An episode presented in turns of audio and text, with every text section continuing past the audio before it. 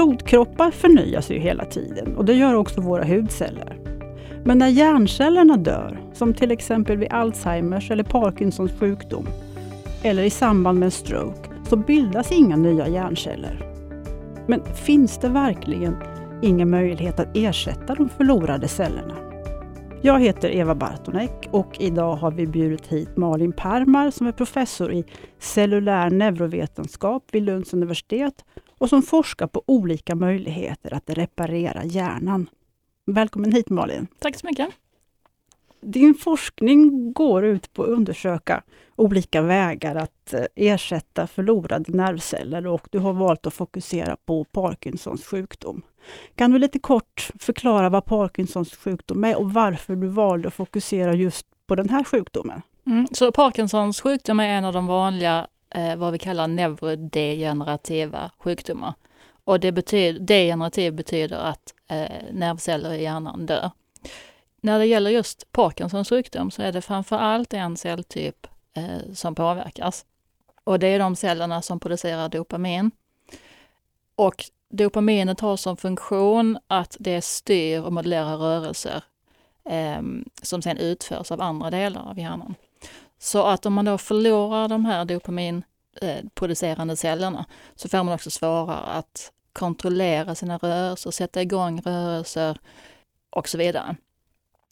Anledningen att det är en bra sjukdom att börja med när man tänker sig att man ska behandla sjukdomar i hjärnan, det är att det är just en celltyp och dessutom så har den bara ett område där dopaminet behövs just för rörelsemönsterna. Så det betyder att det behöver bara ersätta en typ av cell på ett ställe i hjärnan. Men hur, hur behandlas sjukdomen idag? Alltså vad är liksom förstahandsvalet? Ja, idag är den absolut vanligaste behandlingen att man ersätter dopaminhalten i hjärnan eh, genom att man tar tabletter som på olika sätt höjer dopaminhalten i hjärnan. Den vanligaste är då L-dopa. Fungerar det bra eller? Det fungerar jättebra. Mm. Eh, för det är precis det som hjärnan behöver, det är en ökad dopaminhalt. Eh, problemet med de här medicinska behandlingarna är att efter lång tid så blir det svårare och svårare att ställa rätt dos, så att antingen rör man sig för mycket eller för lite. Och man kan också få ganska mycket biverkningar efter att man har använt den här medicinen i 10-15 års tid. För att Parkinson är en sjukdom som man lever med. Eh, så det är ingen sjukdom som man dör av. Så därför så måste man ha behandlingar som funkar på väldigt lång sikt. Mm. Så det finns liksom all anledning att försöka hitta andra behandlingar också. Mm. Så man tänker då att cellterapi skulle vara ett bättre sätt att leverera dopamin i hjärnan. Mm. Dels för att när du tar tab i tablettform så levereras det till hela hjärnan. Medan våra celler sätter vi bara in på ett ställe i hjärnan. Mm. Vi kommer komma tillbaka till det lite ja. längre fram här, med, du ska få förklara hur, hur, vad du menar med att sätta in celler och sådär. Men redan på 80-talet så började en grupp entusiastiska forskare och läkare här i Lund började titta på möjligheten att transplantera då Parkinson-patienter med dopaminproducerande celler. Just det. Ja, kan du berätta lite mer hur, vad de gjorde? Det här var ju eh, Anders Björklund och Ulle Lindvall och deras kollegor som utvecklade en metod där man eh, samlade in fosterceller eh, från aborterade foster som, och tog just den delen av hjärnan som normalt bildar dopaminceller i den vuxna hjärnan. Och så transplanterade man in det på patienter med eh, Parkinsons sjukdom. Och är det någonting som, har liksom, som fungerar bra eller de stöter väl på problem vad jag förstår? Ja, eh, det har ju gjorts en del transplantationer här i Lund och räknar man vad som har gjorts världen över så är det ett par hundra patienter som har fått den här typen av transplantat. Och man kan säga att vissa patienter har fått en väldigt, väldigt god effekt eh, av sitt transplantat och kunnat sluta med sin dopaminmedicinering och ha en långvarig eh, förbättring av sitt rörelsemönster. Eh, andra patienter har inte fått någon effekt alls eller väldigt lite effekt. Och det finns också grupper av patienter som har fått eh, biverkningar från de här transplantaten. Mm. Men när du säger att, att de har kunnat sluta ta sin medicin, menar du att man kan bota Parkinsons sjukdom genom att transplantera in celler? Nej, egentligen inte så som vi gör det nu, som gjordes på 80 och 90-talet. För att där sätter vi in nya dopaminproducerande celler. Så de tar över funktionen av de celler som förloras i sjukdomen. Men sjukdomen fortsätter i hjärnan så att hjärnans egna dopaminceller fortsätter att försvinna. Medan de celler som vi transplanterar in då tar över funktionen. Så du märker inte på samma sätt att sjukdomen fortsätter. Men försvinner inte de här transplanterade cellerna då? Nej, de, eh, vad vi har kunnat se nu är att de håller ju under väldigt lång tid. Man har kunnat titta på hjärnan i vissa patienter som har haft transplantatet mer än 20 års tid. Och då är det bara en väldigt, väldigt liten del av de här cellerna som har fått några tecken på att de möjligtvis har fått en patologi som liknar den i Parkinsons sjukdom. Men vad jag förstått så, så det stora problemet med de här transplantationerna det är att, att samla in tillräckligt med celler? Eller? Mm. Ja. Det var ju svårt redan på 80 och 90-talet att få tillräckligt många eh, fosterceller så att man kunde göra en transplantation. Och dessutom så betyder det att varje patient får ju eh, olika cellpopulationer. Eh, så att eh, du kanske samlar in fyra foster som är eh, till en patient och två till en annan och sådär. Så att det har varit en väldig variation om man tittar vad som har gjorts eh, på olika ställen i världen. Och det gör att det är väldigt svårt att reda ut varför vissa patienter fick en väldigt god effekt och varför vissa fick eh, ingen effekt alls och kanske till och med då biverkningar. Jag har också hört dig berätta tidigare att eh, rent praktiskt då när de här patienterna skulle transplanteras, att man liksom in i det sista inte visste om man fick mm. ihop tillräckligt med celler så att man fick ställa in transplantation, um, inte bara en och två gånger men kanske tio. Eh, precis, vi har gjort en ny transplantationsstudie som heter TransEuro där vi transplanterade den sista patienten i, för ganska exakt ett år sedan nu. Och där ska vi då samla in eh, celler från tre foster inom loppet av fyra dagar. Och vi vet inte, jag ansvarar för cellteamet eh, här i Lund, och vi vet inte förrän kvällen innan att vi har tillräckligt många fosterceller. Och vi vet inte förrän samma dag som operationen är om de här cellerna håller tillräckligt hög kvalitet. Så att för varje operation, varje transplantation vi gjorde, så ställde vi in mer än 20 eh, just på grund av eh, begränsad tillgång till eh, fostervävnad. Så att det finns så att säga all anledning att försöka hitta alternativ där man kan få upp lite större mängder ja, av de här cellerna? Det visste man ju egentligen redan på 80-90-talet, att vad som skulle krävas för att det här skulle bli en behandling som eh, kan användas rutinmässigt, eh, är ju då att man måste hitta en ny källa till celler som dels är förnybar, så att man kan göra så mycket man behöver, eh, men också att man då kan kvalitetssäkra de här cellerna innan man transplanterar patienten för att man då ska få en eh, lika bra effekt i så många patienter som möjligt. Och för, för I slutet på 90-talet ungefär så dök det upp de nya möjligheter och man började jobba med, med embryonala stamceller. Just det. Eh, och du ska få berätta lite, för det, det, är lite grann det du började så att säga forska på, det där du gick in mm. i projektet. Men, men ska vi börja med att du får förklara, vad är en stamcell och vad är en embryonal stamcell? Ja, så en stamcell det är egentligen, det kan vara många olika typer av celler. Vad man säger att en stamcell är, det är en cell som kan göra två saker. Den ena saken är att den kan dela sig och bilda fler stamceller. Och det är det vi kallar för självförnyelse. Och det andra är att den kan dela sig och bilda mer specialiserade celler.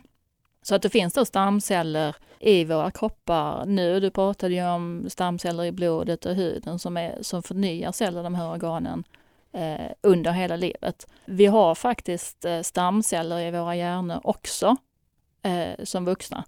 Men de, förutom möjligtvis ett fåtal undantag, så tillverkar de inga nya nervceller. Så att då får man gå tillbaka till tidiga typer av stamceller, det är de stamceller som finns under den väldigt tidiga utvecklingen. Så att embryonala stamceller, de kommer från fertiliserade ägg. Och just det fertiliserade ägget är ju den ultimata stamcellen eftersom den kan göra alla celltyper i kroppen. Och tar man då eh, celler från väldigt tidiga embryon så får man då vad vi kallar pluripotenta stamceller, det vill säga att de kan göra många olika typer av vuxna celler. Så de kan i princip bli vad, bli vad som helst då eller? Eller, ja, ja. I, i teorin så kan de här eh, pluripotenta stamcellerna bli vilken celltyp som helst i kroppen. Mm. Och bara också för att reda ut det här, för du pratar om eh, celler från aborterade foster till de här transplantationerna Mm. och nu pratar vi om embryonala och du pratar om fertiliserade ägg. Eh, så, så att det, det, det är en tidsskillnad där så att säga. Ja, de Mm. här eh, embryonala stamcellslinjerna kommer ju från överblivna blastocyster från eh, provrörsbefruktningar. Så att, eh, Och blastocyster, som- det är en sorts... Det är en väldigt tidigt Ja. eh, embryo, så att Mm. det är innan det implanterar i livmodern. Mm. Så att eh, individer eller par som genomgår en IVF-behandling, där eh, fertiliserar man ju ofta fler ägg än vad som behövs och sen så behåller man dem i frysen. Så vill man då ha ett, ett barn till så tar man ju ofta ett av de här frysta tidiga embryona. Och de kan man då också använda för att göra de här embryonala stamcellslinjerna. Mm. Ja, så nu ska du få berätta om som sagt ditt arbete med de här embryonala stamcellerna. Vad var det du ville göra och, och vilka var utmaningarna där? Jag har alltid varit väldigt intresserad av hur celler bildas från allra första början, det vi kallar utvecklingsbiologi. Hur går man från ett fertiliserat ägg till eh, alla celler i kroppen? Så under min utbildning och min postdoc så tittade jag just på hur utvecklas hjärnan normalt, vilka signaler styr hur, eh, hur, hur vet den här cellen att det ska bli just eh, en cell som sitter i frontalloben till exempel. Eller hur vet den här cellen att det ska bli en blodcell och inte en hudcell och så vidare. När man då började kunna odla de här cellerna utanför hjärnan så blev det ju jätteintressant att studera vad händer om man tar bort cellen från sitt sammanhang? Vad blir den då? Eh, och det på något sätt blandas då in i att om man lär sig hur de här cellerna bildas normalt och vilka signaler som styr det. Om man då försöker styra stamcellerna eh, i, på laboratoriet, kan man då bilda exakt en likadan celltyp som bildas inuti hjärnan. Och, och eftersom du då var började titta på Parkinsons sjukdom så ville du då styra dem till... Mot just dopaminceller. Ja, Ja. okej. Eh, var det svårt? Det var ju ganska svårt faktiskt för att um, dels så visste man inte så mycket om hur de här cellerna bildas eh, under utvecklingen. Eh, och sen så är stamceller väldigt, väldigt känsliga. Så att de här signalerna får inte bli för mycket och inte för lite. Jag brukar säga att de är lite grann som Goodlock och de tre björnarna. Att, du vet, gröten var för varm eller för kall och sen till slut var den precis lagom. Eller sängen var för mjuk och sen var den för hård och så var den precis lagom. Och stamsen är lite likadant. att det måste liksom bli exakt rätt. Så det måste vara liksom rätt mängd vid rätt tillfälle i rätt kombination. Så det var ganska mycket jobb med att ta fram just det här receptet för hur man gör eh, dopaminceller från embryonala stamceller. Mm. Ni höll på hur länge då ungefär? Ja, vi höll ju på i ganska många år, kanske eh, tre, tre år där ingenting funkade och sen två år när det började fungera tills det att vi hade det färdiga receptet. Så nu kan ni så att säga styra om alla sådana här stamceller till Mm. att bli just dopaminproducerande celler. Nu har vi ett jättebra eh, sätt att styra de här embryonala stamcellerna, pluripotenta stamcellerna, till att bli just dopaminceller. Så vad är så att säga nästa steg? Ni ska börja prova på patienter kanske så småningom, eller var, var befinner ni er nu? Vad håller ni på med? Mm, det här projektet har ju pågått under många, många år, så att 2012 eh, så tog vi fram det här receptet hur man gör cellerna. Och sedan dess har vi studerat dem väldigt noga i olika djurmodeller av Parkinsons sjukdom för att se att de faktiskt fungerar eh, likadant som de celler som finns i, i fosterhjärnan normalt. Och då har vi då gjort många, många studier på olika sätt för att visa detta. Och nu håller vi på att eh, tillverka cellerna på ett speciellt eh, laboratorium eh, som ligger i London på ett sätt som gör att man kan använda dem i patienter. Det heter Good Manufacturing Practice. Eh, och de här cellerna tillverkas just nu. Och sen ska de genomgå de säkerhetstester som krävs och sen eh, planerar vi att börja transplantera patienter inom eh, september 2020 ungefär. Eh, jag tänkte ska bara dröja mig kvar lite grann vid det här liksom produktionssättet där man mm. måste så att säga, de måste, det måste bli likadant varje gång och eh, när vi pratades vid innan så hade du ett kul lasagne-exempel. Nej, jag tänkte att jag försökte det här GMP, Good Manufacturing Practice, det är väldigt abstrakt för oss eh, grundforskare. Och del av det är att byta ut alla reagenser så att det är, det är reagenser som är godkända för användning i patienter. Men den största delen är just att det blir likadant varje gång. Och då var jag på ett möte i England där de visade just liksom en bild på en lasagne. När man gör lasagne hemma så blir den ju oftast jättebra. Men ibland har man eh, spenat hemma så hackar man i det och ibland har man eh, eh, färsk mozzarella och ibland har man fryst färdigriven ost och sådär. Och det är lite grann vårt första protokoll för de här stamcellerna. Det blev alltid bra, men det varierade lite. Eh, Medan då en GMP cellinje är mer som en Dafgårds eh, lasagne, att den är inte nödvändigtvis bättre, men du vet exakt vad du får, du vet hur mycket den väger, du vet vad som är i den. Man kan också garantera att den inte är farlig för nötallergiker till exempel. kan man inte göra om man gör sin egen eh, hemmagjorda cellsuspension eh, eh eller, eller sin egen hemmagjorda eh, lasagne. Om vi skulle gå vidare med de här, lämna lasagnen och gå vidare med, med, med stamcellerna, så eh, ungefär i början på 2000-talet, sådär 2005, 2007 kanske, så var det en japansk forskare, Yamanaka, som lyckades så att säga backa färdiga kroppsceller till att bli såna här pluripotenta stamceller. Mm. Eh, ja, det verkar ju jättehäftigt. Kan du förklara lite mer vad, vad som ja, hände? Det var ju ett jättestort fynd i fältet. Man kan säga att man har tidigare visat eh, att det går att backa celler men på mycket komplicerade sätt och man har inte riktigt förstått hur. Vad Yamanaka visade var att man kan bara tillföra eh, fyra gener eh, och då kan man backa en hudcell hela vägen till en pluripotent stamcell. Och när man väl har den här pluripotenta stamcellen så kan man ju då göra vilken celltyp som helst. I princip kan man gå från hudcell till kroppens alla celler. Okej, okay, så, men, men vad är så att säga fördelen med detta jämfört med att jobba med de här eh, embryonala stamcellerna? Att... Mm, om man tänker för cellterapi, som är det som jag jobbar med, så skulle fördelen då vara att man kan göra eh, patientspecifika celler. Eh, det vill säga att eh, istället för att ta då eh, celler från en donators cellinje så kan man då ta patientens egna hudceller, programmera om till pluripotenta stamceller och sen göra celler för transplantation. Eh, och då skulle man då få mindre avstötning eh, av transplantatet till exempel. När det här kom så, ni på ert labb, ni tänkte ett steg till. Mm, för att egentligen så är det så att det här pluripotenta stadiet som vi ville åt från början, det är det som gör att cellerna delar sig mycket och kan bilda alla celltyper som helst.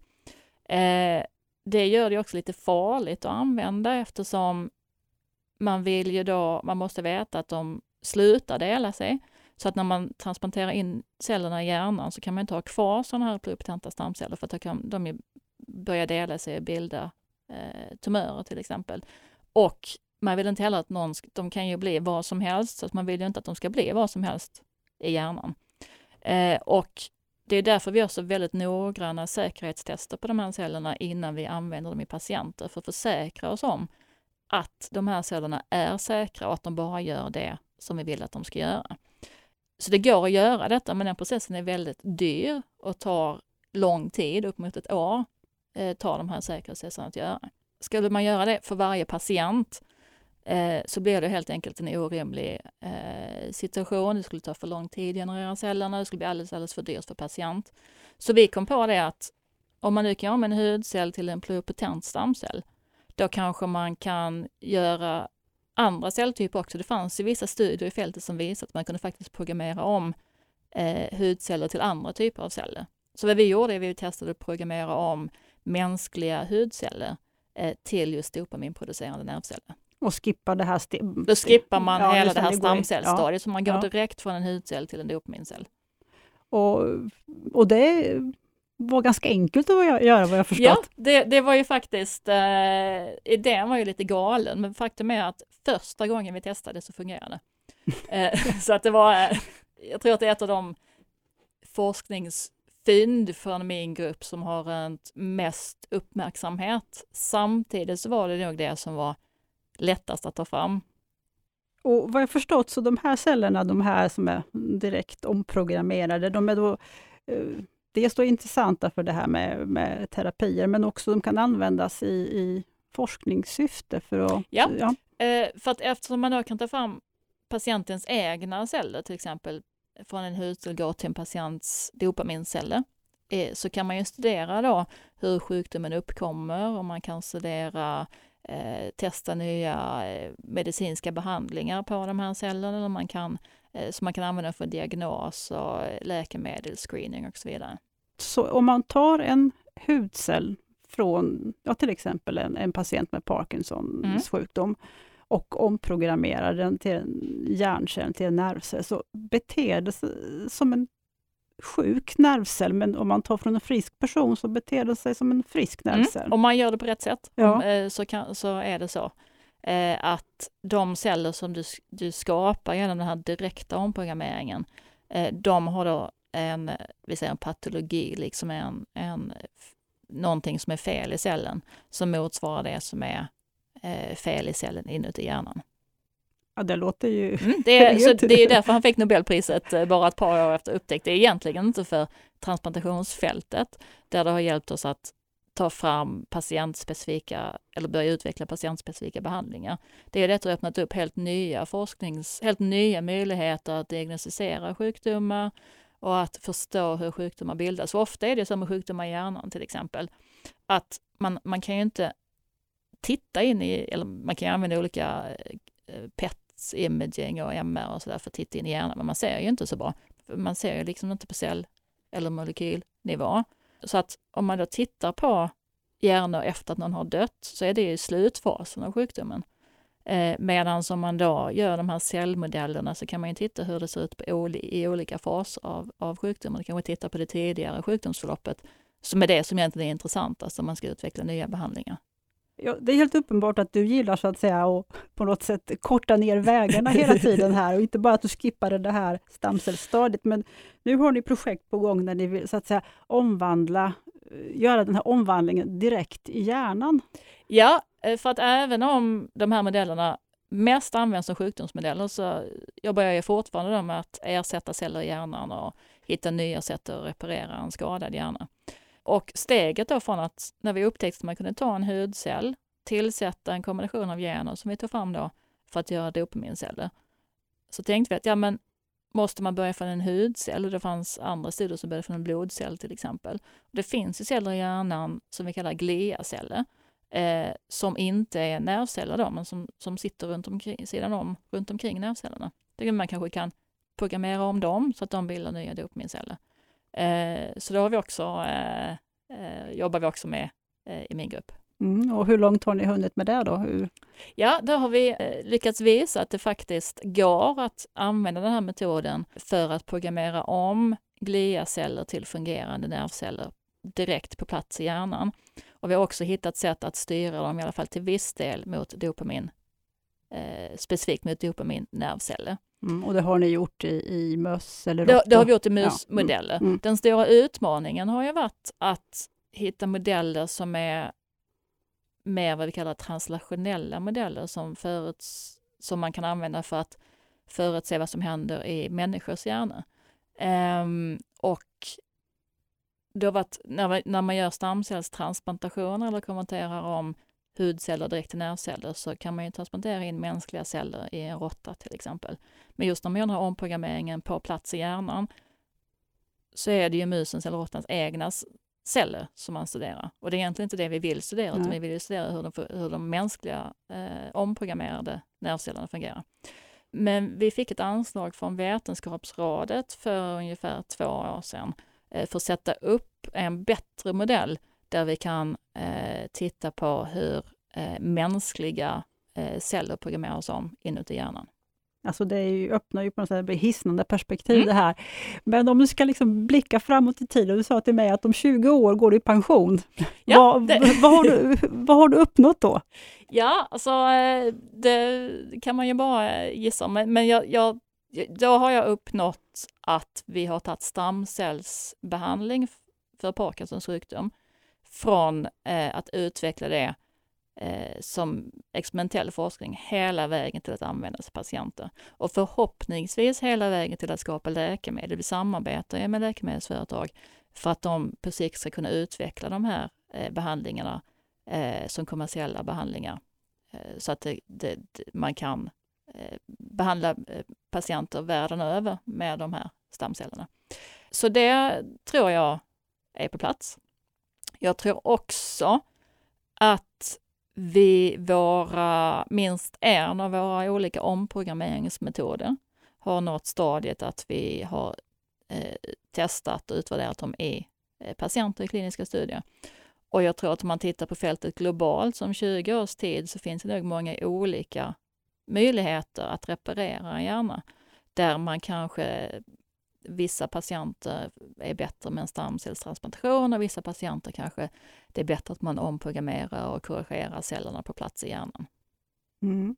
Alltså det låter ju helt fantastiskt och det öppnar ju som sagt känns som oändliga möjligheter, mm. men det är också många som, alltså det här med stamceller har ju blivit lite hype sådär och eh, det har ju öppnat upp för en hel del oseriösa aktörer som lovar att de kan bota i princip vad som helst med mm. stamceller. Men vad är så att säga, vad är möjligt idag? Vad är realistiskt idag? Ja, idag är det ju inte så många eh, behandlingar man kan få som bygger på stamceller. Det är undantaget så finns det ju stamceller i blodet som man har studerat absolut längst. Eh, och de används ju rutinmässigt idag i leukemibehandlingar och andra sjukdomar eh, i blodet. Eh, sen finns det också vissa stamcellsbehandlingar för eh, brännskador och hudskador och sådär som är ganska långt eh, framme. Och sen jobbas det väldigt mycket med de här behandlingarna som baseras på pluripotenta stamceller, om det är embryonala stamceller eller de här inducerade pluripotenta stamcellerna.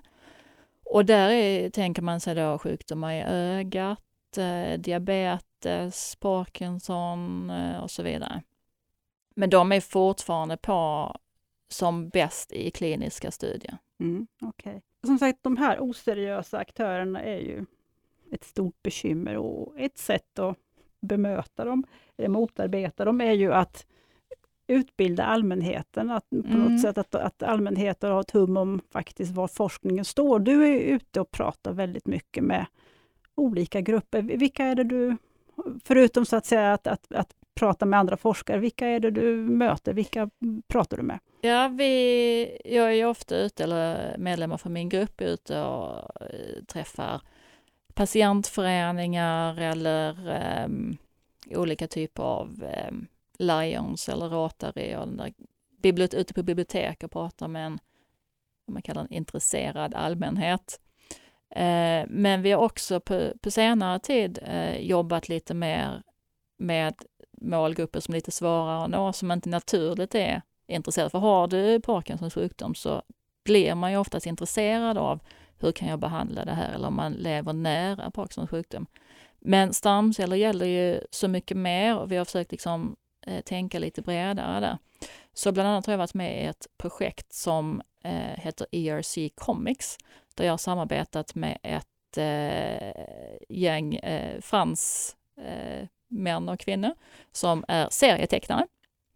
Och de är alltså professionella serietecknare som har liksom sina fans och sådär. Och då har de skrivit en eh, serie i tio delar eh, om just den här, de här projekten som handlar om att programmera om hudceller direkt till nervceller för att reparera hjärnan. Mm, vad har du fått för respons på det då? Ja, det har varit jättemycket mm. respons. Det är liksom ett, eh, det var ju ett jätteroligt sätt att jobba för att jag tror just det att de verkligen var experter på det här och de hade redan eh, människor som var intresserade av deras serie och så blev det liksom en, det blev en jättebra serie och, och även om man bara läser den utan att tänka att det här handlar om ett forskningsprojekt så är den liksom intressant för den innehåller så lite spänning och romantik och eh, eh ödesmättade händelser. Det är liksom en bra, bra, de har fått till en väldigt bra mm. story. Mm. Mm. Eh, och sen så kan man ju då också i själva serien så finns det ju då vetenskapliga små budskap eller information. Och man kan sedan också då länka sig vidare för att läsa mer om man blir intresserad. Och det gör ju att det är ju många fler yngre människor som varit intresserade och även en kille som jobbar på Sveriges Radio där jag är ibland för att göra intervjuer med andra medier. Och vi har träffat den här killen flera gånger. Men vi har aldrig pratat om min forskning förrän jag var där, han hade läst min serie, eh, när jag var där för att prata om min serie. Och helt plötsligt så hade vi ett samtal om stamceller och olika behandlingar och så vidare. Så jag tror det är jätteviktigt att man eh, försöker liksom nå de som är svår, lite mer svårfångade. Den här serien den finns dels digitalt på webben mm. och vi kommer att lägga upp en länk till den här på på vår sajt och eh, sen sa du att den också skulle komma ut i, som papperstidning också. Ja, för att just eh, den, det här att göra serier av vetenskap var ett EU-projekt där de gjorde, jag tror de gjorde tre serier om året under ett par års tid. Och vissa av dem har då blivit extra uppmärksammade, fått många följare på internet och sådär. Och de som har fått mest uppmärksamhet i sociala elektroniska medier. De ska de trycka i pappersformat så att eh, den här lilla serien om Jojo, eh, hudcellen som så gärna vill bli en nervcell, kommer tryckas i, i riktigt eh, pappersformat. Mm, så jätteroligt. Jättekul. Eh, tack så jättemycket Malin för att du ville komma hit. Och vi kommer lägga upp länken till den här serien och vi kommer också lägga upp eh, länkar till eh, andra texter som vi har skrivit om Malin Parmars forskning. Tack för att du kom hit. Tack så mycket. Du har lyssnat till en poddserie om forskning som produceras av redaktionen vid Vetenskap och hälsa. Inspelningsproducent George Godfrey, Skånes universitetssjukhus. Mer information finns på vetenskaphalsa.se. Du kan också följa oss på sociala medier.